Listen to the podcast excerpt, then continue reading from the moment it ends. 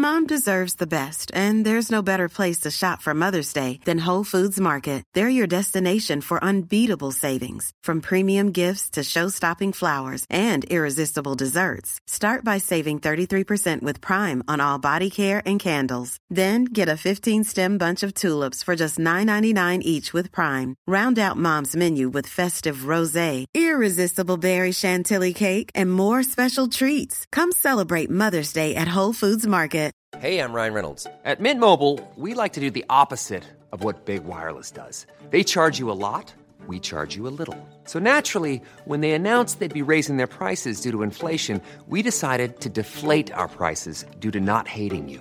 That's right. We're cutting the price of Mint Unlimited from $30 a month to just $15 a month. Give it a try at mintmobile.com slash switch. $45 upfront for three months plus taxes and fees. Promo for new customers for limited time. Unlimited more than 40 gigabytes per month. Slows. Full terms at mintmobile.com. This is Paige, the co-host of Giggly Squad, and I want to tell you about a company that I've been loving, Olive and June. Olive and June gives you everything that you need for a salon quality manicure in one box. And if you break it down, it really comes out to $2 a manicure, which is absolutely insane. It's also so easy to get salon worthy nails at home with Olive and June. The difference between how your nails used to look when you did them yourself and now with the Manny system is a complete game changer. The best thing about Olive and June too is it's a quick dry. Dries in about one minute, lasts for five days, and full coverage in up to one to two coats. Visit oliveandjune.com slash perfectmanny20 for 20% off your first system. That's oliveandjune.com slash perfectmanny20 for 20% off your first system. Dumma människor sponsras av AJ Produkter. Björn, vad är det som gör att man trivs på jobbet? Ja, men en sån superviktig sak som du och jag brukar tjata om, det är det här med kollegor och samspelet man har med sina arbetskamrater. Det mellanmänskliga. Relationer på jobbet, exakt. Mm, man motiverar varandra, positiv förstärkning och sådana saker. Exakt. Ja. Men det räcker ju inte med bara det. Nej. Man behöver också en bra fysisk miljö. Den ska vara säker och trygg. Mm. Man kanske vill ha ordning och reda på lager och sådana saker. Att det är ergonomiskt. Ja, en ljudmiljö som gör att det är lätt att hålla fokus och att man har kanske ordning och reda med rätt förvaring. Och det här är sånt som AI Produkter kan hjälpa dig med. Arbetsplatsinredningen, att se till att förbättra arbetsmiljön och ge allt ifrån råd om en bättre arbetsstol till att inreda en hel arbetsplats för hela företaget. Ja, AI Produkter säljer inredning för kontor, skola, lager och industri och erbjuder över 15 000 produkter och skickar från sitt lager i Halmstad. Och allt detta för att bidra till att människor har det bra på jobbet och att ingen inredningslösning ska stå i vägen för det. Det är Happiness at Work. Tack AI Produkter. Dumma människor sponsras av Länsförsäkringar. Mm, Och Länsförsäkringar är ju mer än bara ett försäkringsbolag. De jobbar ju med bank, lån, pension, försäkringar, alltså alla, hela balletten. Ja, Och det här tänkte jag på i morse när följande sak inträffade. Du vet, jag och Alex har flyttat några gånger och eh, varje gång vi har flyttat så har vi sagt vi ska aldrig mer flytta. ja. Vi har också sagt vi ska aldrig mer renovera. Du vet, så här, i- inte en kökslucka ska bytas ut. Inte en färg ska målas om. Nu är det så här och det här blir toppen. Ja. Och det har vi liksom lyckats hålla i nya lägenheten tills det blev vinter. För vet du vad som hände då? Nej, berätta. Jag behöver ett badkar. Och vet du vad jag då är så glad över?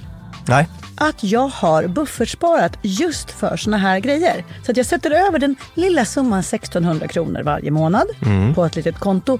Enkom för när såna här saker dyker upp. Att jag bara måste ta bort en liten duschvägg och stoppa in ett badkar. Och det tänker vi nu göra. Ja, så att oavsett vad någon säger eller vad man säger till sig själv så är det mycket i livet som förändras. Och då finns Länsförsäkringar där för alltid. Så kom ihåg att Länsförsäkringars Bank kan hjälpa dig med lån och sparande. Så att du har till exempel en buffert för när saker och ting förändras. Tack så mycket Länsförsäkringar. Din tröja får dig att se lite konstig ut och det där skämtet du drog tidigare på mötet, det flög inte riktigt. När du gick på bussen halkade du till på ett lite konstigt sätt och de här aktierna du har försökt investera i har gått minus. Vad är det som är den röda tråden för alla de här nederlagen du känner av? Varför känns det så himla viktigt? Och hur hänger det här ihop med att vara en människa som står alldeles ensam ute på savannen? Det här är Dumma människor med Lina och Björn, alltså Lina Thomsgård och Björn Hedensjö, psykolog och författare. Och det är Orosveckan, en vecka där vi späckar med våra bästa repriser ifrån förr. Och idag är det absolut ingen repris, Björn. Nej. Idag är det ett helt nytt avsnitt. Och det här avsnittet ska handla om vad då? Vår största rädsla. Vår största rädsla, Ja, vilken är det, Björn? det är kanske då i konkurrens med dödsångest på ett sätt. Men jag skulle säga att det, det jag stöter på oftast hos klienter är social ångest i någon form. Ja. Vår största rädsla är därmed vad? Det är att göra bort sig, att bli granskad och bedömas inte räcka till, att avvisas och som yttersta konsekvens av allt det här bli ensam. Det här är det jag stöter på oftast i himla många former i kliniken då. Och det finns ju dels, alltså man kan ju hamna på diagnosnivå och då kallas det social ångeststörning eller social fobi. Men det ställer ju också till det på en himla massa sätt för folk som inte alls är typiska socialfobiker. För att det här är så himla allmänmänskligt. Så att å, nu när vi kör en orosvecka, jag känner att man kan, vi kan inte hoppa över det här. För att, det, för att det är så himla, himla vanligt. Och det kan ju ta sig så himla många uttryck som sagt då. Och eh, jag kommer att tänka på dig Lina. Ska, jag ska utsätta dig nu för lite sårbarhetsövningar Ja. här. Ja, ja eller nej. är det blä? Jag vet inte, vi får se. Vi får se. Du har ju någon eh, grej som du tycker väldigt, som är väldigt, Ja, som är nu väldigt du om triggande Ron, för dig. Me.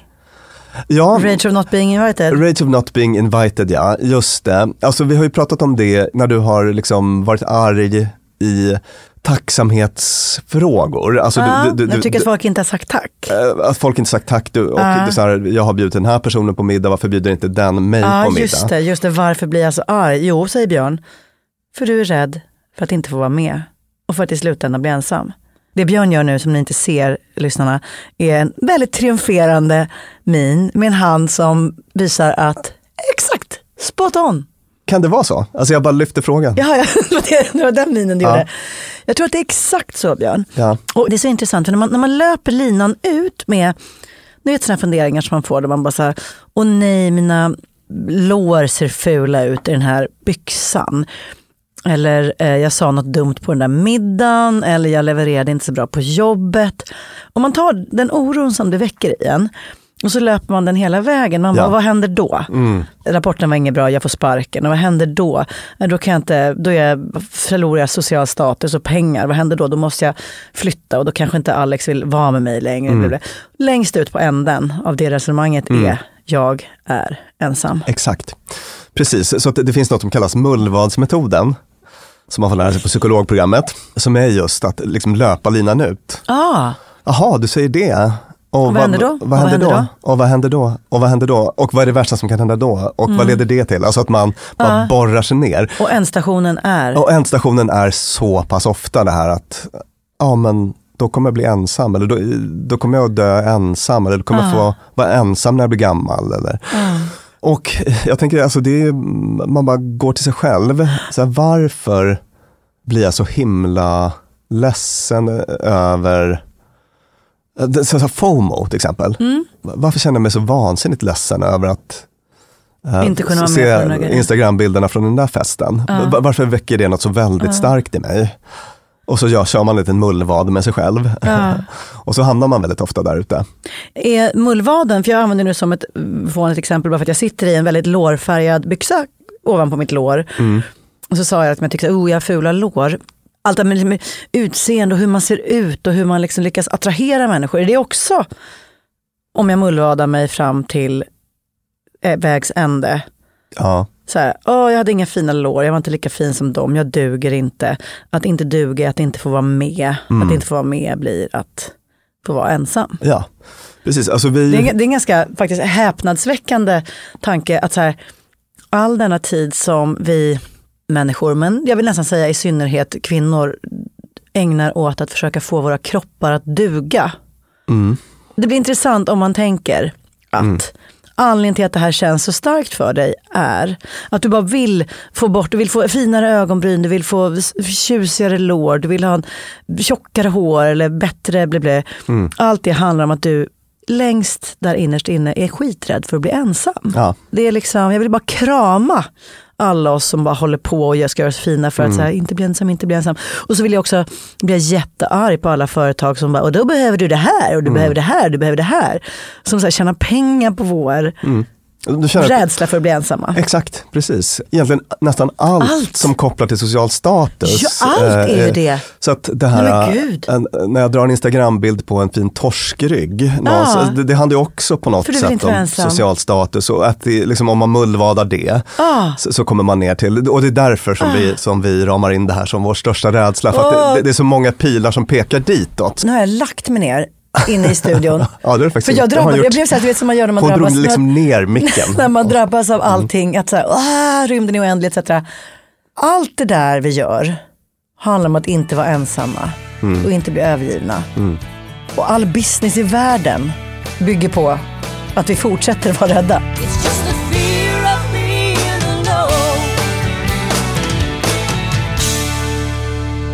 Varför är det så här? Och det är ju sånt som vi har tagit upp lite av och till genom åren. Men, men eh, jag tänkte att vi kan bara sammanfatta varför är vi så otroligt lätt-triggade när det handlar om det här sociala. Då? Ja, vi har den här liksom starka, djupa, underliggande rädslan. Var kommer den ifrån? Och då brukar man evolutionspsykologiskt prata om det så här att vi är sociala djur och när man har det perspektivet på oss, då fan, kan man se hur otroligt liksom konstruerade vi är för det här. Vi är utvecklade för liv i flock. V- Vår grundprogrammering är på det viset och det finns massa coola grejer med oss människor då som till exempel, min- minns du det här med råd, när vi rå- rådnar? Det, Jag tror vi svarade på någon fredagsfråga om, eh, om det för typ tusen år sedan. Minns du vad liksom funktionen är i det? Att vi ska få folk att tycka synd om oss och vilja vara med oss. Precis, alltså, De ska liksom känna de ska ömma för oss. ja, för, för det händer. Det finns jättecoola studier på det också. Att när folk rodnar, så det är ett sätt att på något vis signalera att jag är skamsen. Jag förstår att jag har gjort fel, tänker man sig evolutionspsykologiskt Ja, ja, då. Och, och då blir folk mer välvilligt inställda och beredda att återge en ens plats i flocken. För annars, om man vore en person som gjorde fel och det inte fanns en massa mekanismer som väckte den där känslan hos Mm. folk, skulle man ju kanske vara mer så one strike you're out. Ja, exakt. Så det här är liksom ett inbyggt system för att låta folk ha, göra lite fel och vara med. Ja. Men inte hur många fel som helst vet vi av jättemånga av de avsnitten vi har spelat in. Alltifrån liksom skvaller, alltså sånt där hur vi liksom är, Nej. vi har jättemycket social kontroll och man får inte sticka ut. Och så där. Precis. Jag, jag tror att vi generellt sett är väl ganska beredda att släppa in folk som medger att de har gjort fel eller visar det på något sätt. Sådär. De farligaste är ju de som eh, Inte ens görs... Alltså så- antisociala individer som inte typ känner ens att de gör fel när de gör fel och så vidare. Eh, och det är de vi sållar bort det är de genom, vi skvallrar Ja. om och så, eller hur? Ja, och de rodnar inte, så de väcker inte vår önskan att ta tillbaka trots att de har gjort fel. Nej, precis.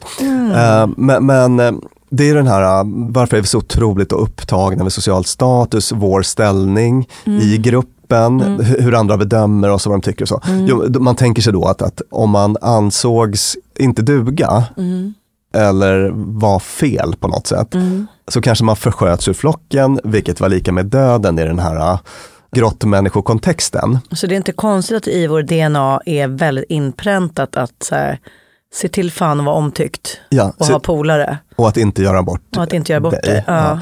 Och det är därför då som, man, som vi får den här helt oproportionerligt starka påslaget vid Mm. till exempel ska hålla bröllopstal Mm. och jag känner att jag, jag kommer att dö om, om, om det här blir dåligt. Ja. Alltså att man, man har en så otroligt överdriven... Alltså eh, kroppen reagerar exakt så. Alltså Ja. hjärtat, hjärtat slår som att jag, jag kommer att dö. Ja, man, man försätts i sån här äh, kampflyktreaktion rent fysiologiskt och psykologiskt då. Och det är ju egentligen helt snurrigt. Man kommer ju inte dö om man bombar på bröllopstalet. Nej. Men det känns så. Och förklaringen är då den här, eh, eller den evolutionspsykologiska förklaringen är just att det var så himla vik- liksom livsavgörande för oss att vara att höra till och att accepteras förr. Det var en fråga om liv och död. Ja, precis, och då Ja. tänker man förr, väcks filosofiska frågan, Är det det nu? Ja, alltså vi behöver ju andra också idag. Ja. Och där tog vi upp i, vi gjorde en dubbelmacka om vänskap för Ja. kanske två år sedan eller något sånt där. Två avsnitt och i något av de avsnitten så minns jag att jag tog upp den här studien då. En Harvard-studie som följt personer i Bostonområdet sedan 1930. Och den har kommit fram, en enorm studie, så långvarig, har kommit fram till att goda relationer påverkar fysiskt välmående mer än sånt som ekonomi, kolesterolvärde, jobbsituation och status. Alltså så otroligt viktigt är det för oss med relationer. Så att det, är det fortfarande. Och det är massa så här indirekta hälsoeffekter också som förklarar att social isolering är en större riskfaktor för för tidig död än till exempel rökning. Oj, oj, oj. Eh, du vet, eh, social isolering, depression, eh, alltså det, det finns massa psykiska problem och det vet vi numera att eh, psykisk och fysisk hälsa hänger ihop så himla intimt. Jag blir, jag blir så himla stressad varje gång vi pratar om de här sakerna med hur viktigt det är med vänner och sånt. För det finns ju massa människor som inte har det. Ja, Vi gjorde till och med ett kärleksbrev till ensamma just det. en gång. Och det blir som att man kan tänka att man så här, åh det måste vara liksom eh, en sån där människa på mingelbilder som har liksom ett hav av gäster på din 60-årsfest. Jonas Gardell eller så här. Alltså då är du lycklig. Nej. Men det, så är det ju inte. Så är det inte. Och, och sen så ska man säga att vi har en indi- individuell variation. Alltså det kanske finns de som lever ganska ensamma liv och är jättenöjda med det. Ja exakt. Och att det funkar bra och så. Och sen så finns det ju en del som är ensamma mm, ofrivilligt och, och, och lider av det och så. Och er kan jag rekommendera att lyssna på vårt avsnitt Kärleksbrev till ensamma. För där har vi massa tips på vad man kan göra i den situationen. Så. There's no turning back. Rules must be obeyed. Three young males are forced out of the pride forever. Jag tycker att det är lite tillfredsställande att tänka att så mycket av det vi håller på att kämpa med och tampas med och mår dåligt av och rodnar för och skäms över och låter bli att göra handlar om den nedärvda rädslan för att inte få sitta med vid brasan på savannen. Att säga, om inte den rädslan fanns, Mm. hur skulle jag klä mig då? Vad skulle jag göra då? Hur skulle jag prata då? Alltså det, det, är liksom, det, är en, det, det är intressant att föreställa sig. Om jag inte vore rädd för att bli utstött och övergiven, vem vore jag då? Just det. I ett bästa scenario så tänker man sig då kanske att eh, relationerna skulle vara mer lustdrivna och mindre ångestdrivna. Och det är en sån här sak som jag, så tycker jag att det har blivit med åldrandet. Ja, För att när man blir äldre, en liten trösterik grej till eh, de av er som befinner sig i en så socialt ängslig period av livet, det vill säga, vad ska jag säga, i första hand från kanske tidiga tonår upp Ja. till 25 eller så. Då är det sociala ganska ofta rätt ångestdrivet. Ja, Åh, man hade sån ångest att man inte fick sitta med vid deras bord vid lunchen. Allt, man kunde, säga, jag kunde ligga sömnlös Ja. för att jag var så orolig för att någon inte skulle tycka att mina skor var fina. Alltså, Det Ja. var liksom, det var såna, uh, under de åren så kan det till och med vara ganska viktigt för en att ha goda relationer till personer man inte gillar. exakt. Ja, alltså jag tycker den här personen är en idiot, jag vill ändå Var äta godkänd. lunch med den. Ja, exakt. Alltså ett, ett, ett otroligt liksom, ångestdrivet relationsbeteende då egentligen. Ja. Och så- så blir det mindre och mindre av när man eh, blir äldre och det är väldigt skönt tycker jag. Alltså det blir mer lustdriven, Mm. man har ett mer lustdrivet relationsliv, att, att eh, man vill hänga med folk som man mår bra av och det har vi tagit upp flera gånger att det är ju en av de saker som man tänker sig spelar roll för att livets lyckokurva pekar uppåt. När man blir lite äldre sen, att man blir bättre på att välja relationer, att det är mer lustdrivet. Så. Mm. Vad får det här för eh, konsekvenser för oss då? Ja, att vi är så ofattbart känsliga för det. Det är som att vi liksom vi är överkänsliga mot allt som skulle kunna leda till ensamhet. Ja, vad får det för effekter på oss? Det gör att vi blir ganska fega på ett sätt. Va? Mm. Det här begreppet self-handicapping, att man liksom sätter krokben för sig själv på, Mm. på massa olika sätt. Och jag, jag kan notera det här hos mig själv ibland. Mm. Till exempel, jag vet inte vad jag ska göra på nyår i år. Mina kompisar, om ni lyssnar. Mm. När man inte är i en parrelation så, så faller man ur det här automatiska bjudas in till högtider-grejen. just det, just det. Ja, så att eh, jag är inte längre kränkt över det. Men däremot innebär det att man typ aktivt måste, såhär, vad gör ni på nyår? För att jag satt nämligen häromdagen och bara shit, nyår kommer och jag kollade, hade inte barnen då. Så här, Ja. "Ha, då måste jag styra upp det här. jag gör det imorgon. För att man känner en liksom mild Ja. Motlust, eller jag gjorde det. För att så här- Motlust, vilket bra ord. Motlust, det kanske inte finns ett sånt ord. Nej, men Mo- finns det, mo- motvilja. För att höra av mig till folk Mm. och så kanske de av otroligt legitima skäl, så här, ja vi har en middag men eh, Mm. Det är fullt. det är fullt. Eller så. Det finns typ inga sådana legitima skäl. Nej, men, ja, det mm. kanske du har rätt i. Men man skulle kunna få en sån och jag bara pallar inte riktigt Nej. det. Så att det jag gör då istället är att jag låter bli att fråga. Ja. Ja. Eh, Och chansen att du får något kul att göra på nyårsafton ökar inte exakt med det. nej, precis. Nej, Intressant, jag tänkte på det häromdagen när jag hade någon sån här Instagram-scrollperiod när plötsligt allt som alla la upp på Instagram var jättekul Ja. och jättebra. Så ville jag gå in och så här, kommentera det. Mm. Så här, någon man bara, så här, haha gud vad kul, så här, men vad fin du var i de där glasögonen. och att typ Vilken härlig period. Ja, men jag skrev ingenting utav det. Nej.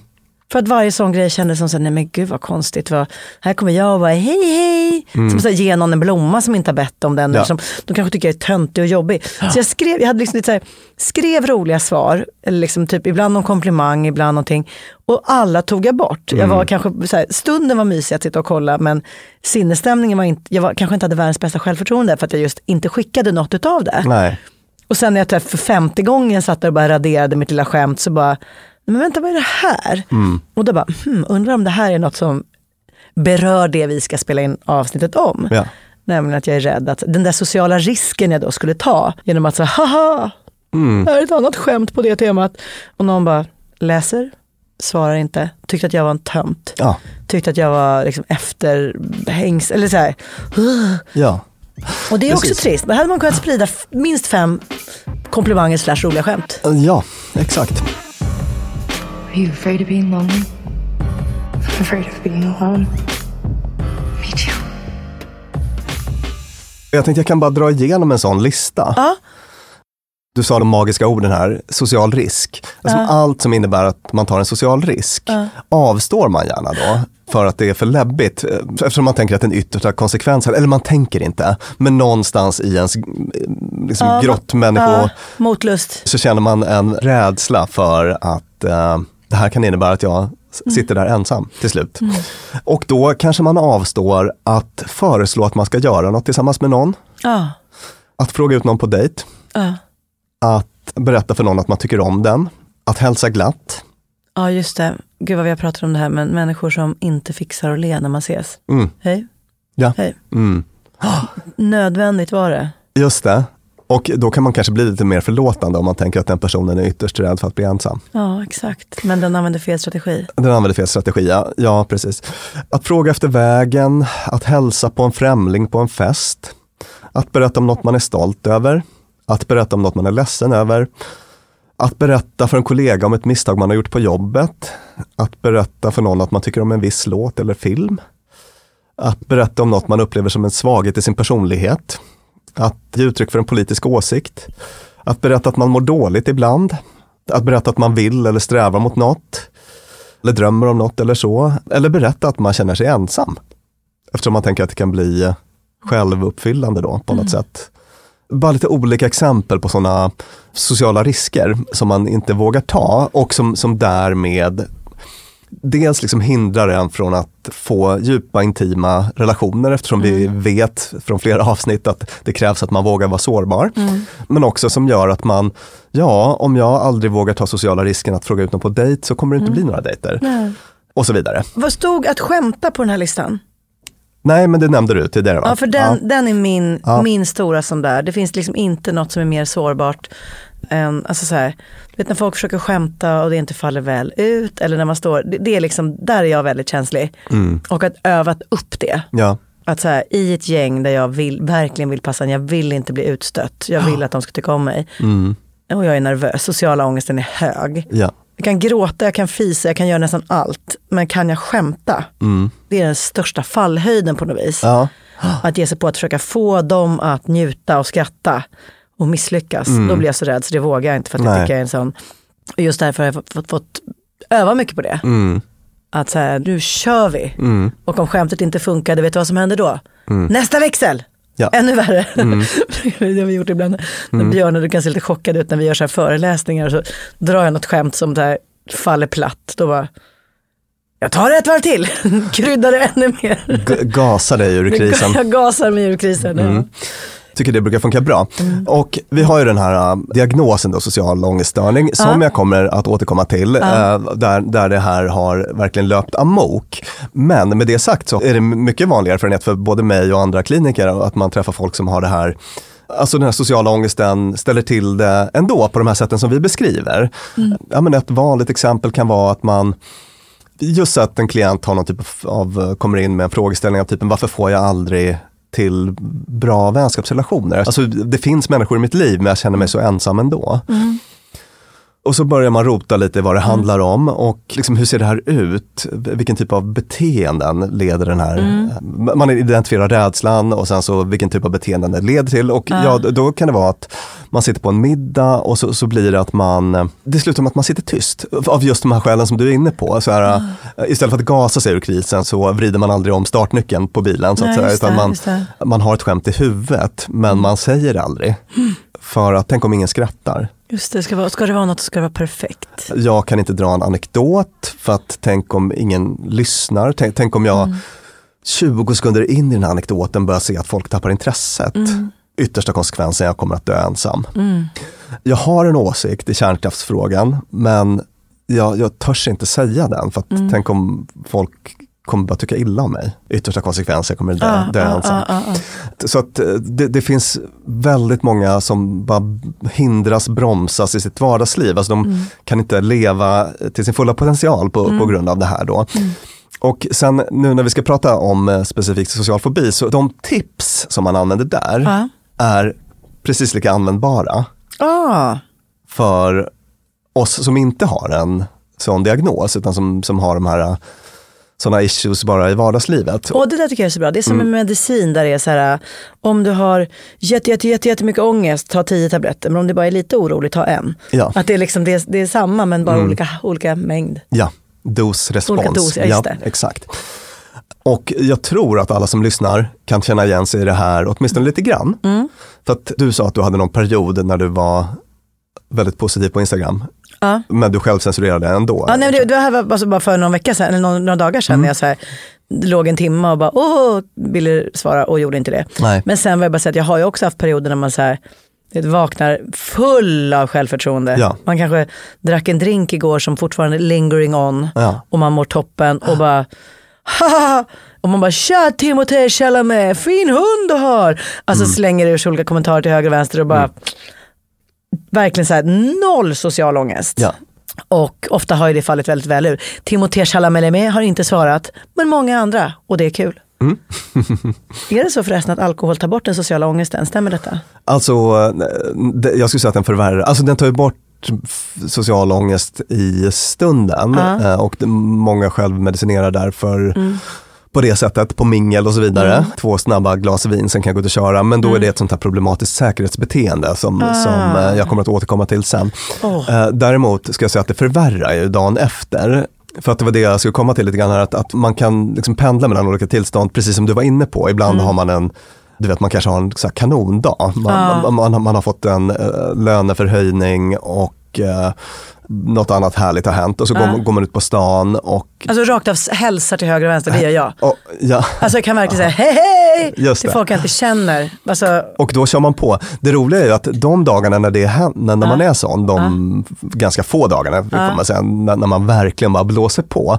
Det är roligt att notera hur bra det ofta funkar. ja exakt. Eh, Alltså det brukar alltid bli omedelbart belönande. Mm. Och det är ett skäl till att det är så faktiskt, som behandlare, är så kul att jobba med det här. Att det, att det, det, det brukar, när, när man testar lite nya beteenden så brukar klienten snabbt få en belöning. Man bara shit vad rolig middagen blev när jag vågade stå upp för kärnkraft. Eller när, när jag ja. vågade dra 45 sekunders anekdoter. Det var roligaste middagen på sex år. Så. Åh. så att eh, det brukar bli snabba belöningar och kul på det sättet då.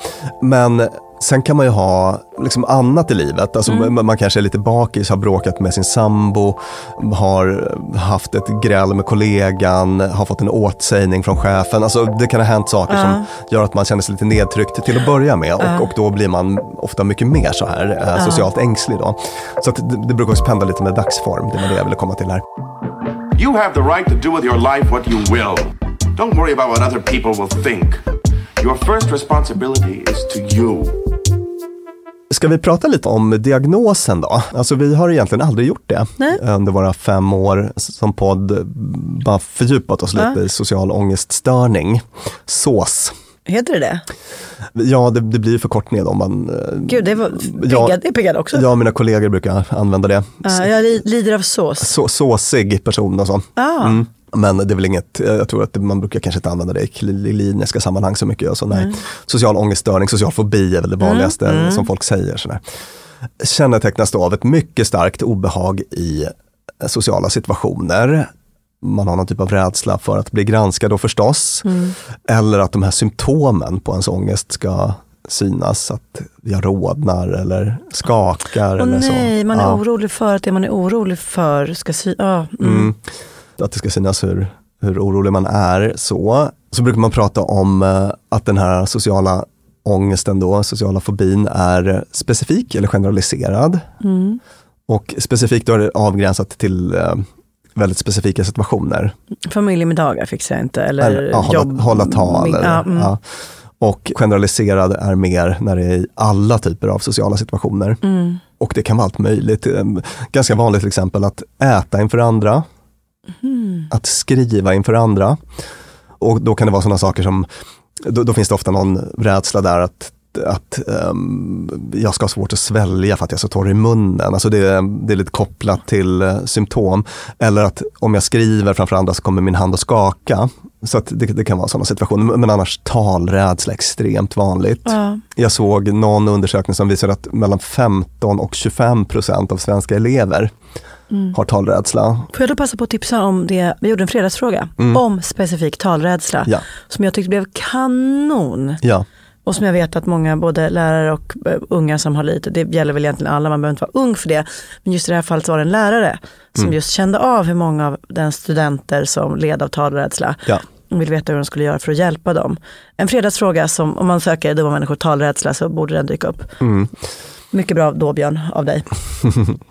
Och sen så eh, brukar man prata om eh, prestationssituationer, alltså där man behöver prestera något inför andra. Och interaktionssituationer, alltså när man bara behöver interagera med andra människor. För ibland kan det vara kopplat till en av de två situationerna. Att eh, jag tycker att det är att stå framför klassen och räkna ut en ekvation är min absoluta mardröm, alltså en sån typ av prestation. Ja, eller en ja. anställningsintervju där jag ska prestera inför arbetsgivaren. Vissa kan ha dragning mer åt det, att det är det som är det jobbiga. Medan andra är mer liksom alla interaktioner och sådär. Det brukar vara ganska vanligt att man har problem med auktoriteter. Alltså att myndigheter eller lärare eller eh, professorer eller så. För att de är liksom social status upphöjt till två. De, Just extra, det. Deras dom är extra... Exakt. Eh, Så så kan Ryan Reynolds here from Mint Mobile. With the price of just about everything going up during inflation, we thought we'd bring our prices down. So to help us, we brought in a reverse auctioneer, which is apparently a thing. Mint Mobile unlimited premium wireless. Ready to get 30, 30, bit to get 30, bit to get 20, 20, 20, bit to get 20, 20, bit to get 15, 15, 15, 15 just 15 bucks a month. So, Give it a try at mintmobile.com slash switch. $45 upfront for three months plus taxes and fees. Promo for new customers for limited time. Unlimited more than 40 gigabytes per month. Slows. Full terms at mintmobile.com. I'm Sandra, and I'm just the professional your small business was looking for. But you didn't hire me because you didn't use LinkedIn jobs. LinkedIn has professionals you can't find anywhere else, including those who aren't actively looking for a new job but might be open to the perfect role, like me. In a given month, over 70% of LinkedIn users don't visit other leading job sites. So if you're not looking on LinkedIn, you'll miss out on great candidates like Sandra. Start hiring professionals like a professional. Post your free job on linkedin.com/people today. Hey Dave. Yeah, Randy. Since we founded Bombus, we've always said our socks, underwear, and t-shirts are super soft. Any new ideas? Maybe sublimely soft. Or disgustingly cozy? Wait, what? I got it. Bombus. Absurdly comfortable essentials for yourself And for those facing homelessness. because one purchased equals one donated. Wow, did we just write an ad? Yes. Bombas. Big comfort for everyone. Go to bombas.com slash ACAST and use code ACAST for 20% off your first purchase. Dumma människor sponsras av Claritin. Ja, för nu är det ju vår och vårkänslor spirar. Mm. Även jag får, jag har liksom varit ihop med min kille i snart ett decennium och blir vårkänsla. Lite vårrusig. Ja, jag vill, jag vill ut och hålla hand och springa över en sommaräng. Ja. Och då kan man tänka att det är synd om dem som inte kan det. Det är rätt många ja. Det är det. Ja. Och det märker man alltid på just våren. För det är då de kommer in på kontoret och när alla andra är så uppspelta för att gatorna är sopade och solen gnistrar så är det liksom bara rinnande ögon, rinnande näsa, det Min kliar. pappa till exempel, pollenallergiker som älskar att påta i trädgården då. Och det vill man ju att han ska kunna göra. Och det är där vårt budskap från Clarityn kommer in i bilden. För det, Clarityn ger vårkänslorna en chans för allergiker. Det är antihistamin vid tillfälliga allergiska besvär, till exempel pollen, pälsdjur eller dammallergi, som ger snabb effekt inom en till tre timmar. Och besvären lindras i hela 24 timmar. Clarityn, en tablett och sirap, Loratadin, är receptfria läkemedel vid tillfälliga allergiska besvär hos vuxna och barn över 6 år och kroppsvikt över 30 kilo om du tar tablett. Du ska inte ta Clarityn om du är gravid eller ammar. Läs bipacksedeln noga innan du tar Claritin, särskilt om du har en leversjukdom eller ska genomgå hudtester för allergi. Och kontakta läkare om du inte mår bättre eller om du mår sämre efter sju dagar. Och kontakta alltid läkare vid användning längre än tre månader. Och mer om det här kan du läsa på bayer.se. Tusen tack Claritin. Dumma människor sponsras av Arlanda Express. Och du och jag, Björn, var ju på en jobbresa. Upp till Kiruna. Där var det ljuvligt. Verkligen. Och när vi sen landade för att komma hem så hade jag ju planerat på ett Lina Thomsgårds sätt. Skulle hämta barnen goda 45 minuter efter landning. Jag fick oerhört bråttom och istället för att springa ut och ställa mig i den långa taxikön så vrålade jag till dig. Det här var faktiskt det blev en rolig scen. Ja. När jag såg hur det stod så här Arlanda Express två minuter och jag bara Björn, jag måste ta den! Mm. Och så bara, men ska vi inte ta taxi? Nej! Mm. Hissdörrar slår igen, jag springer ner och hinner på 18 minuter in i stan springa in, ta en tunnelbana, han hämta mina barn. Fantastiskt ja. Och det var faktiskt otroligt. Ja, Arlanda Express är ju det snabbaste och smidigaste sättet att ta sig till och från Arlanda. Det tar alltså bara 18 minuter och det är väldigt hög punktlighet också. Så att de eh, går i tid, alltid. Jag har heller aldrig varit med om en svalare tågcentral. Jag vet inte om den ligger så långt ner. Men när man har sprungit snabbt för att hinna med det här tåget, Mm. för att man har, min, alltså man har sekunder som man inte kan avvara, då är det en väldigt sval liten plats på att stå och mellanlanda. Och sen hoppar man på och då hade man inte hunnit köpa sin biljett för att det hade inte jag hunnit tänka på. Mm. Då var det bara klicket i klicket in på nätet. Köp, köp. Hur enkelt som helst. Så praktiskt. Mm. Och det här tåget går från tidig morgon 04.20 till sent på natten då 00.35 och i högtrafik går Arlanda Express upp till var tionde minut. Så hoppa på tåget. Det finns gott om anledningar att ta Arlanda Express. Tack så mycket Arlanda Express. Det var. Jag läste precis Andre Waldens Jävla karar. Mm. Otrolig bok. I den så skildras det ett barn, kan vara 9-10 års ålder någonting, Mm. några år där. Och så är det en scen när de ska spela brännboll. Och mitt kroppsminne av det, för nu som vuxen tänker jag att jag ändå jag ska se till att styra upp ett liv för mig där jag ganska sällan behöver göra saker som just skapar sån ångest hos mig. Det är ibland man behöver så här jobb. Så vi står, du och jag går ut och ställer oss på scenen inför tusentals personer. Det är klart att det ger social ångest och man är jätteorolig men det är liksom saker jag behärskar och klarar av. Och när man var liten så var hela livet bara en lång jävla radda av liksom kasta med liten kula eller brännboll där man ska gå fram och välja tjejracket eller killracket. Mm. Boll, man kastar upp bollen och så bara ska man satsa järnet och missa. Ja. Alltså, och sen springa och hinna. Alltså, så mycket med det som var så otroligt så här. Och där man, jag kunde liksom ligga i nätter innan, nätter efter och bara ha ångest Ja. över den där gången. Man bara satsade, tog killracketet, Mm. båda händerna, svingade. Och bara fjutt. Ja. Och bara fuck, nu kommer jag inte få Mm. mina kompisar längre. Nej. Gud, tänk alla unga där som står ut med det här. Alltså Ja. brännboll är en jätterolig Mm. sport, men som står ut med att ha ett liv där varenda jävla ny lektion, ny sport, ny allting Mm. är, är det här. Men så inser jag att det är en övning i det såklart. Nu, En nu, övning i att missa boll och bara, det gick. nu tog du upp massa saker som var jättebra för att du fick med alla de här tankemässiga symptomen som Ja. finns också. Att, att det- pågår jättemycket i huvudet. Du sa att du ligger efteråt och tänker Ja, på ja, ja. hur du Missade. missade. Mm. Och det är en sån, det fina begreppet för det är postmortem ruminering. Alltså Oj! att man eh, efteråt går igenom, vad sa jag på den här middagen? Ja. Hur reagerade Pelle? Han, han såg ju han såg ju typ äcklad ut när jag berättade om den där situationen med, Ja, ja. med bindan. Ja, ja, ja. ja, jag som försökte vara rolig. Ja, Ja. Varför försökte jag vara rolig? Jag ska aldrig mer försöka vara rolig. Exakt, alltså den typen av malande pågår.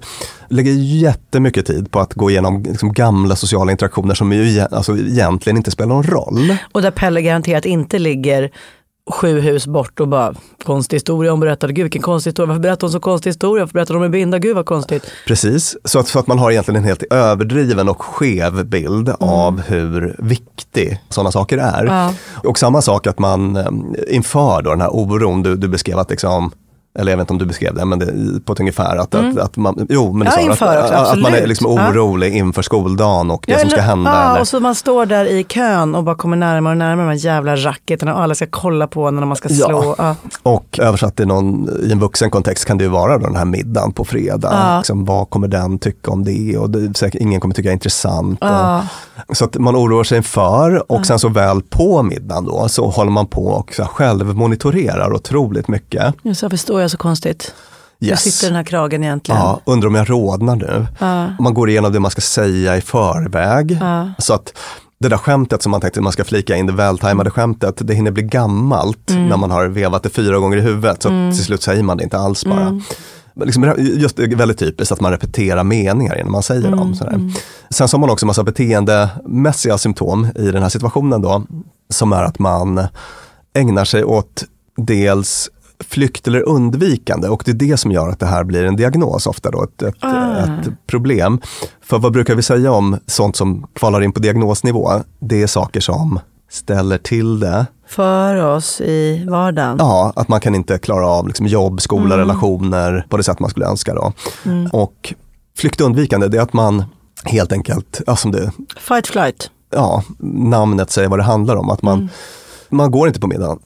Hör- Hörni, eh, nyårsgänget, jag känner mig så, eh, jag har lite feber. Mm. Jag kan inte komma idag. Mm.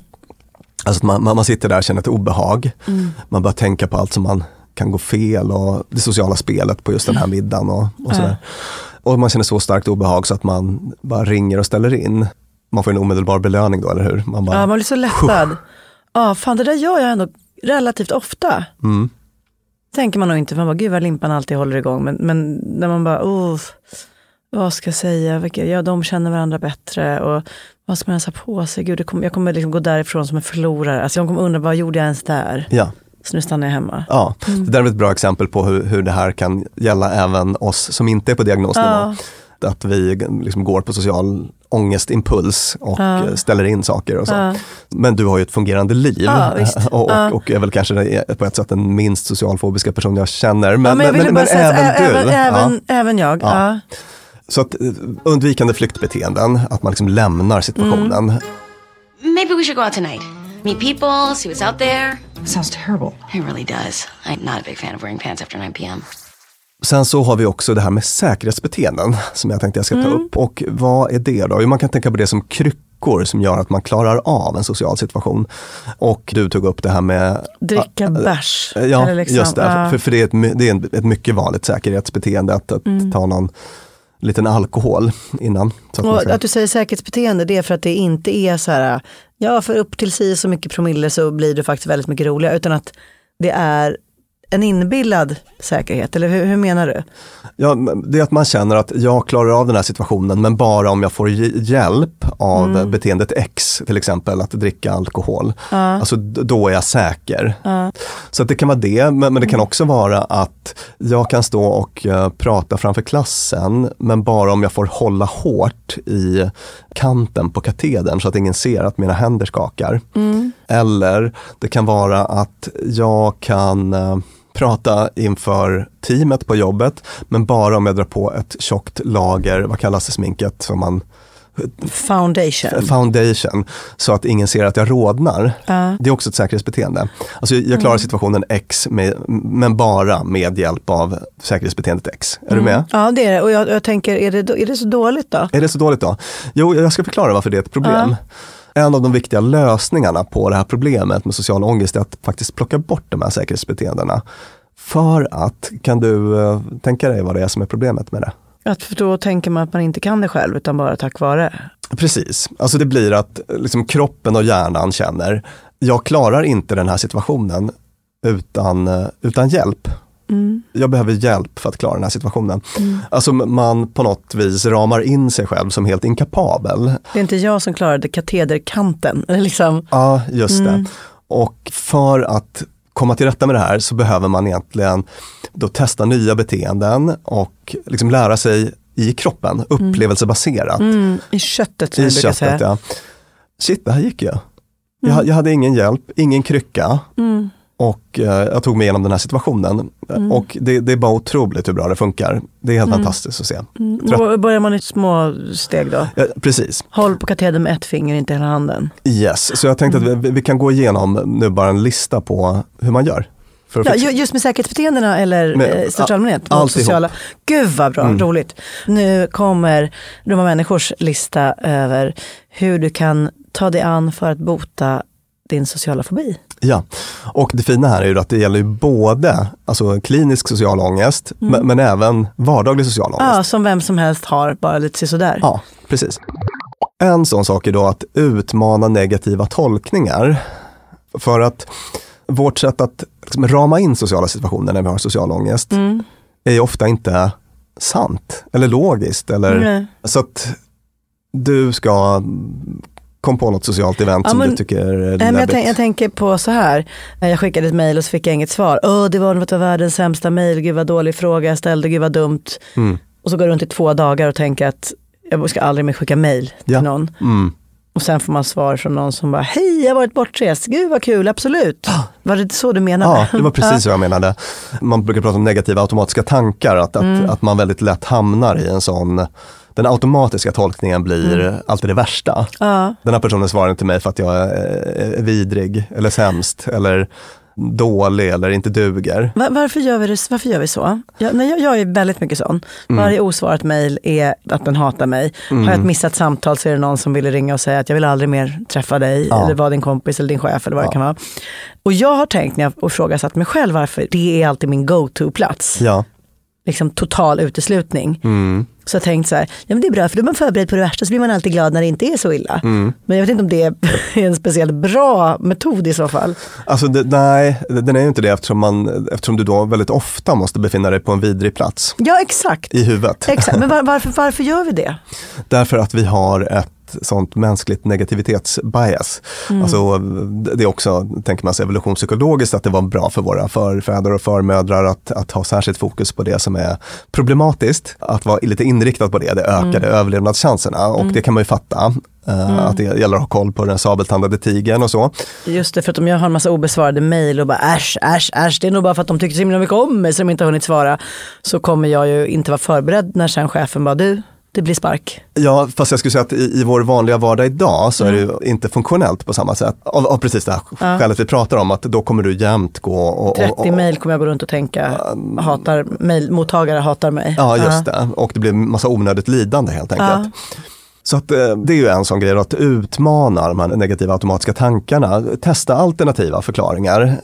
Kan det vara så att den här personen är på semester eller Mm. att den har eh, missat mitt mejl i eh, den här eh, störtfloden av mejl. Mm. Alltså, det, det- finns ofta en massa vettiga alternativa förklaringar som man kan testa. Mm. Mm. Här vill jag lägga in ett tips som ni fick i den här veckans första avsnittet i vår orosvecka i måndags, som handlar om allergin mot osäkerhet. Där vi pratade om att typ stanna upp i osäkerheten. Att även här, för det, det var ju nämligen hur jag tog med mig Ja. den underbara lärdomen från det avsnittet. Mm. Att så här, istället för att bara så här, den svarade inte, den vill nog absolut inte samarbeta, gud vad jobbigt. Mm. Jo fast det ville nog, det var bara att den var på semester, nej det var inte på semester. Den. Alltså att det blir en pingpongmatch mellan liksom Mm. Ja, en det. orolig tanke och en tröstetanke och en orolig tanke och en tröstetanke. Att säga att jag skickade ett mail som jag inte har fått svar på Mm. och bara personen vill inte samarbeta. Nej, så kan det vara. Och att tänka så kan det vara Mm. öppnar också upp för att det kan vara på andra sätt, men det kan även vara så, det får vi se. Det vet jag ingenting om. Nej. Och det är en sån himla mycket bättre plats att stanna upp på Mm. än en miljard pingpongmatcher mellan olika förklaringsmodeller Verkligen. och sådär. Och sen så gör den här otroliga övningen. Är något av det här inom min kontroll? Just det. Va- Vad är det här inom min kontroll? Det Mm. var ju en sån här grej som redan de gamla stoikerna, jag såg ett sånt citat häromdagen av någon, eh, famous stoiker. Det är så mysigt att vi håller på att bli stoiker du och jag. Ja. Ja. Men som var så här, i varje besvärlig situation, ställ dig själv frågan, vad i det här är inom min kontroll? Alltså det är Ah. bästa, bästa Ah. one-linen jag vet. För att det är så här, i den situationen du beskriver kanske det är så här, det har gått två dagar nu. Mm. Jag skulle kunna fråga så här, hej, har du fått mitt mail? Mm, var det något som var otydligt? Var det något som var Eh, kan- otydligt? Det kan man göra. ja. Mm. Får man inget svar då, ja man kanske skulle kunna ringa, så kan man väl pröva det också då. Ja, eller så är det så här, inget svar alls är också ett svar. Då knatar vi vidare. Ja, precis. Ja. Så här, nu har jag gjort det jag kunnat, Ja. resten får bero. Mm. Jag kan inte veta, jag kan inte läsa tankar, jag kan inte se in i framtiden. Nu får det vara. Vet du vad som är så ljuvligt med det där stoiska citatet också? Det är att ibland så handlar det om att förstå vad man inte kan göra. Mm. Men att det blir ju också en uppmaning att göra det man kan. Ja. Så man inte fastnar i bara det här jädra gnället och ältandet Nej, precis, om att precis. hur världen är. Man bara, ja men det du kan göra är faktiskt städa. Ja, Go do it. exakt. Och det där är själva fundamentet i den Ja. här terapiformen ACT som jag jobbar med också Ja. då. Acceptance, A1, acceptera det du inte kan Mm. påverka, commitment, alltså committa till committed action, att, att liksom Mm. göra, göra saker. Mm. Gör det du kan. Mm. Superviktigt, precis lika viktigt. Mm. Men utmana negativa tolkningar och sen så kan man också eh, vara stoisk i det där. Mm. Så kan det vara. ja, så kan det vara. We're calling this controlling what you can when things feel out of control. Undvik inte obehagliga situationer. Det här är ju, ska jag säga, Mm. det viktigaste då. Det är ju det som kallas exponering. Mm. Det vill säga liksom sannaste och viktigaste som finns i psykologi, att, att, eller när det handlar om det vi är rädda för. Mm. Att, att vi kan alltid träna bort rädsla. Det är helt otroligt Mm. förhållningssätt till livet. Att liksom Ja. faktiskt närma sig det som är läbbigt. Det är så kraftfullt så att eh, det händer fortfarande att jag bokstavligen får gåshud i terapirummet när Mm. en klient kommer tillbaka och har, utmanat sin rädsla och så bara Mm. funkar det så jäkla bra och eh, den personen är så överraskad och lycklig över det och det är bara så himla häftigt då. Så att då utmana det man är rädd för och sen att göra det, det här har vi tagit upp många gånger, men att göra det i baby steps så att det inte blir för läbbigt för att då kommer det inte hända alls. På tal om både baby steps och brännbollsmatchen jag pratade om tidigare och om hur skoltiden på väldigt många sätt var jobbig för att det var så jävla mycket social bedömning och så många konstiga grejer man skulle göra. Mm. Läsa högt, dansa schottis, peka ut rätt saker på Ja. kartan framför Mm. massa människor. Så tänker man så här, oh vilket tortyrläger, så bara, nej vet du vad det är? En övning i, alltså en organiserad systematisk övning i att överkomma social fobi. Ibland kan jag idag önska att någon bara, nu behöver du gå på den här festen, ställ dig upp, nu ska du hålla ett Ja. Att det finns en lärare som Mm. liksom ligger på mig om det för att jag själv Mm. dukar undan. Och att det, den eh, träningen i att jag dog inte, jag fick fortfarande vara med, det var inte så farligt, det gick ganska bra, det blev till och med kul att spela brännboll, jag valde tjejracket och det gick bra. Mm. Att det är en himla bra erfarenhet för Ja. ungar. Och det tänker jag, om man nu tänker att social fobi kan bli allvarlig och ens barn inte vill gå på kalas eller Ja. kanske, nu, nu är jag ute på allvarliga områden, men tänk att ens barn upplever att hela skolan är Ja, socialt jobbig och jag vill inte Mm. gå dit. Mm. Är det samma sak där? ja för, för grejen är att det är det som är så, um, så all ångestproblematik egentligen är sån att undvikande förstärker ångesten. Ja. Så att ju mer man undviker det som är läskigt, desto läskigare kommer det läskiga att kännas. Uff, ja. Så så är det. Och det är bara om man går tillbaka till sitt eget liv, och det tror jag gäller de flesta som lyssnar, att Mm. eh, alla stora utvecklingskliv i sin personliga Mm. utveckling har man ju tagit när man har gjort något som är lite läbbigt. Ja. Man ville inte göra det, någon fick en att pusha Mm. det på en lite Mm. grann. Så det, det finns ju något i det här att liksom ställa krav är också en kärlekshandling faktiskt. Mm. Så är det. Och med, med, med ungarna gäller det väldigt mycket tycker jag. Att, att det är väldigt ofta som de inte vill göra saker och man får pusha på lite grann. Sen så ska man inte göra det Alltså man kan jobba mycket mer med morot än med piska, men lite pushande behövs alltså. Att just att tidigt få lära sig saker om sig själv som man har användning för senare i livet. Ja. Att, säga, att jag ska vara tacksam för alla enhandslyror jag missade. Alla fela svar jag levererade i klassrummet. För att varje sånt misstag lärde mig att vet du vad, det var inte hela världen. Det, det Jag fick fortfarande leka med mina kompisar. Solen gick upp, blommorna luktade blomma, pannkaka smakade pannkaka. Ja. Det gick åt helvete men det löste sig ändå. Exakt, så att, och, och det är ju också en av poängerna med, med sådana här beteendeexperiment när man får utmana någon hypotes, alltså ett slags exponering i det också då. Att om jag drar en anekdot på den här middagen, Mm. jag, hypotesen är så här, jag är en så dålig berättare Mm. så att när jag drar en anekdot på den här middagen så kommer folk att efter ett tag zona ut, jag Mm. kommer att se hur liksom blickarna vänds åt andra håll och sådär. Ja, då ska vi utmana den hypotesen. Du Mm. ska på den här middagen, det här är en uppgift jag skulle kunna ge till en klient. Ja. Du ska dra en anekdot på 45 sekunder. Nej men då kommer allt det här hända. Ja, vi testar. Mm, det, Utmana just den det. hypotesen. Ja, ja, ja. Så det blir ett slags exponering då. då. Mm. Och då kan det ju bli så att det blir precis, oftast går det bättre än vad folk Ja, tror. just, just det. Oftast Men i det några, några fall så bara, ah, det var sant, de vände bort huvudet och så. Ja, men, Men- innebär det här att jag kommer att dö ensam? Nej, det verkar som att min partner har inte begärt skilsmässa. Mm. Jag hade några ytterligare trevliga samtal senare samma kväll, trots Just det. att min anekdot inte flög. Precis, så att man får lära sig att, att Ja. I kroppen, återigen, det är det här upplevelsebaserade man behöver. Jag kan sitta och säga det här, men det kommer inte lösa något, utan man måste ut och testa. I kött, köttet måste testa. Köttet måste testa för att man ska få någon behandlingseffekt. Då. Det är vår metod, Ja. KMT, köttet måste testa. Ja, KMT. Precis. Och jag kan ju säga något om hur man brukar lägga upp det här rent praktiskt i behandling. Att man, man brukar göra en sån här ångesthierarki från 0 till 100. Vad är de läskigaste situationerna? En socialfobiker kanske är att så här, jag menar, titta någon i ögonen och säga bla bla bla. Mm. Eh, Det är 100 för mig.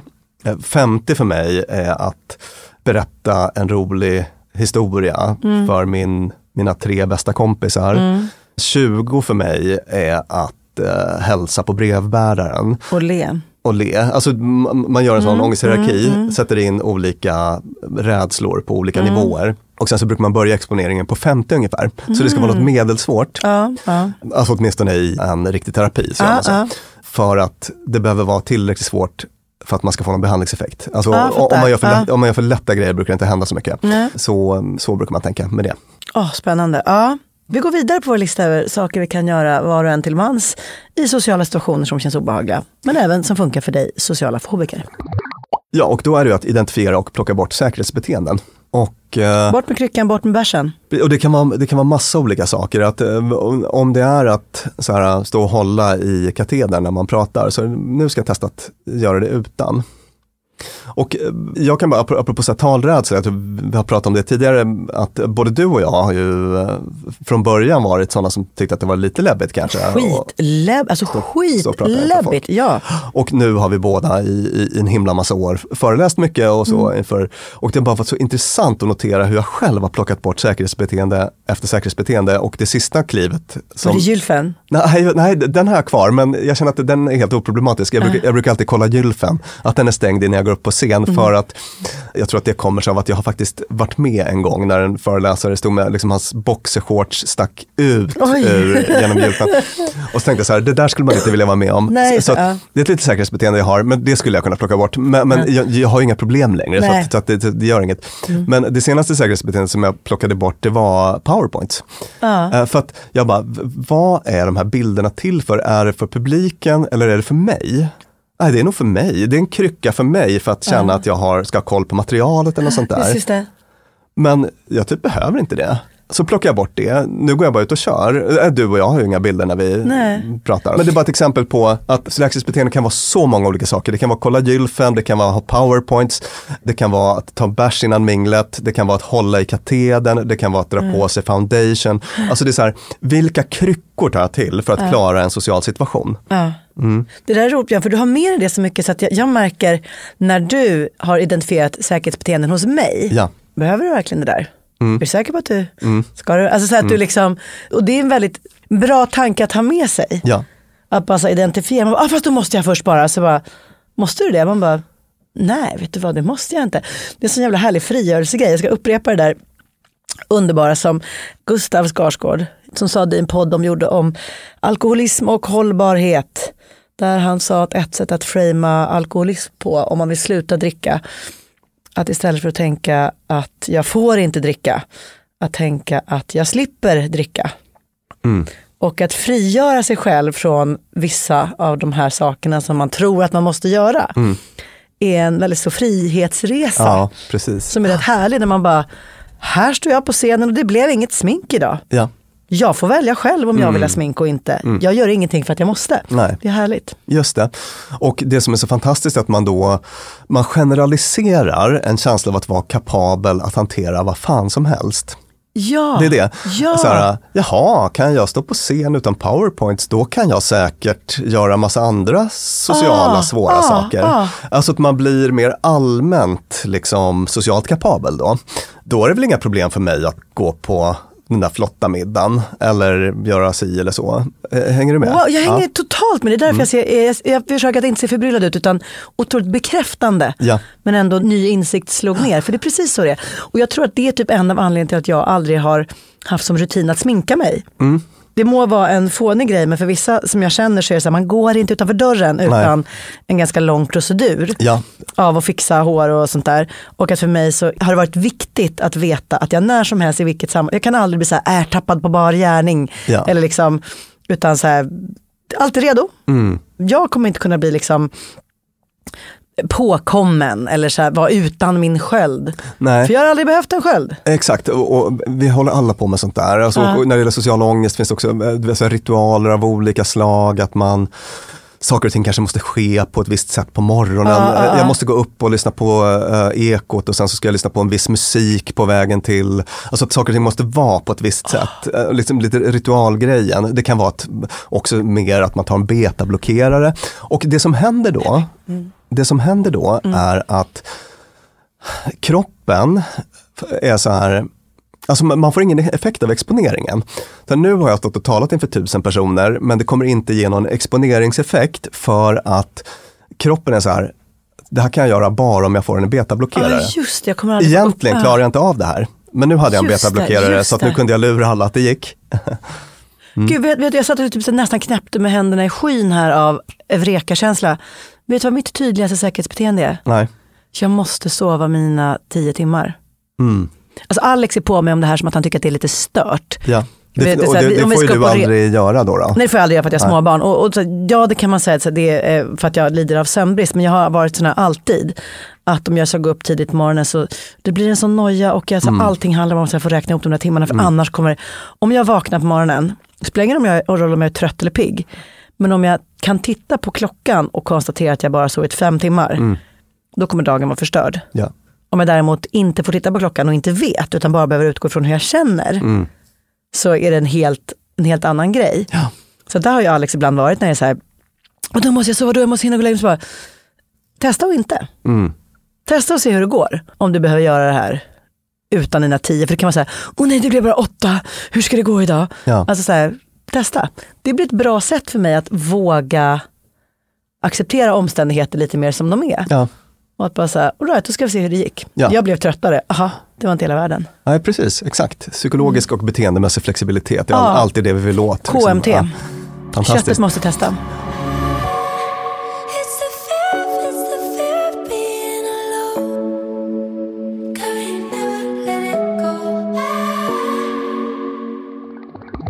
Och sen så en sista sak då, Ja. som man kan ta till, antingen som socialfobiker eller som subklinisk social, alltså, alltså att man har Under en klinisk, under en klinisk nivå, Av, mm. eh, det vill säga alla vi människor Ja. kan ta till.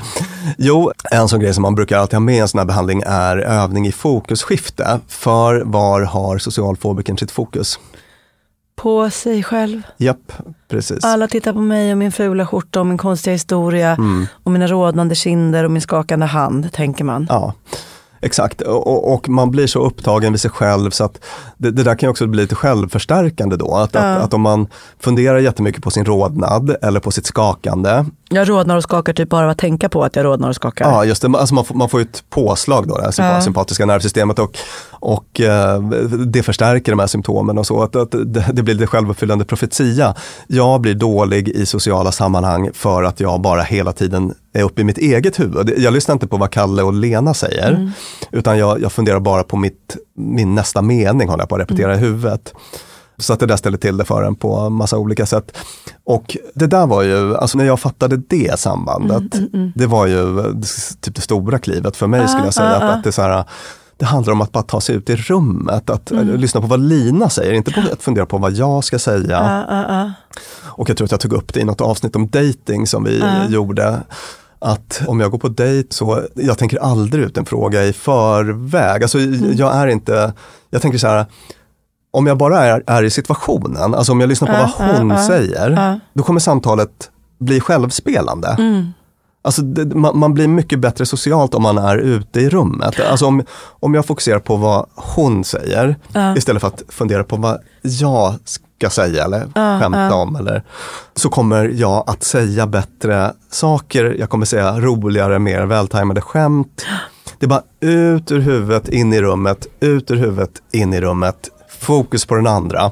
Och sådana övningar, jag tror att vi kanske har tagit upp det någon gång, men det, alltså man kan sitta och öva så här äh, det är väl ett slags mindfulnessövningar egentligen. Att så här, Mm.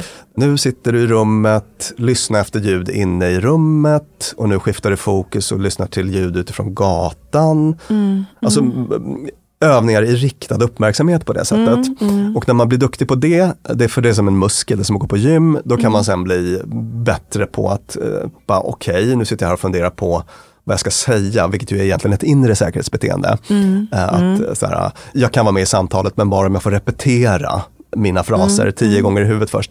Inre säkerhetsbeteende som man vill plocka bort. Så här, bort med det, ut i rummet istället. Mm. Lyssna på vad Lina och Kalle och Lena säger. Mm. Eh, vad säger de nu? Vad har de på sig för kläder? Bara Mm. Ut ur huvudet, in i rummet. Åh, bra. Blir Mm. sugen på att utsätta mig för detta. Ja. Jag vill bara ut i rummet nu. Mm. Ja, hörni, social ångest känner vi alla i det stora och i det lilla. För vissa är det något som verkligen hindrar vardagen. Men då finns det saker att göra. Men du måste göra dem. Och börja med den här listan så kommer du någon vart. Och lärdomar att ta med. Köttet måste testa. Och ut i rummet. Tack för att ni lyssnade. Imorgon kommer en ny spännande repris under vår orosvecka där vi hela veckan lång pratar om olika varianter av oro i dessa oroliga tider. Tack till Acast där vi spelar in våra ljuvliga samarbetspartners. Tack till Peter Malmqvist som klipper vår podd.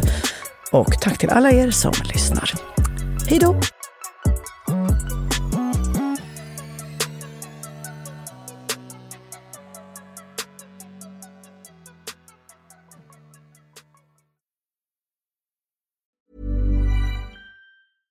Even when we're on a budget, we still deserve nice things. Quince is a place to scoop up stunning high-end goods for 50 to 80% less than similar brands. They have buttery soft cashmere sweaters starting at $50, luxurious Italian leather bags, and so much more. Plus, Quince only works with factories that use safe, ethical, and responsible manufacturing. Get the high-end goods you'll love without the high price tag with Quince. Go to quince.com slash style for free shipping and 365-day returns.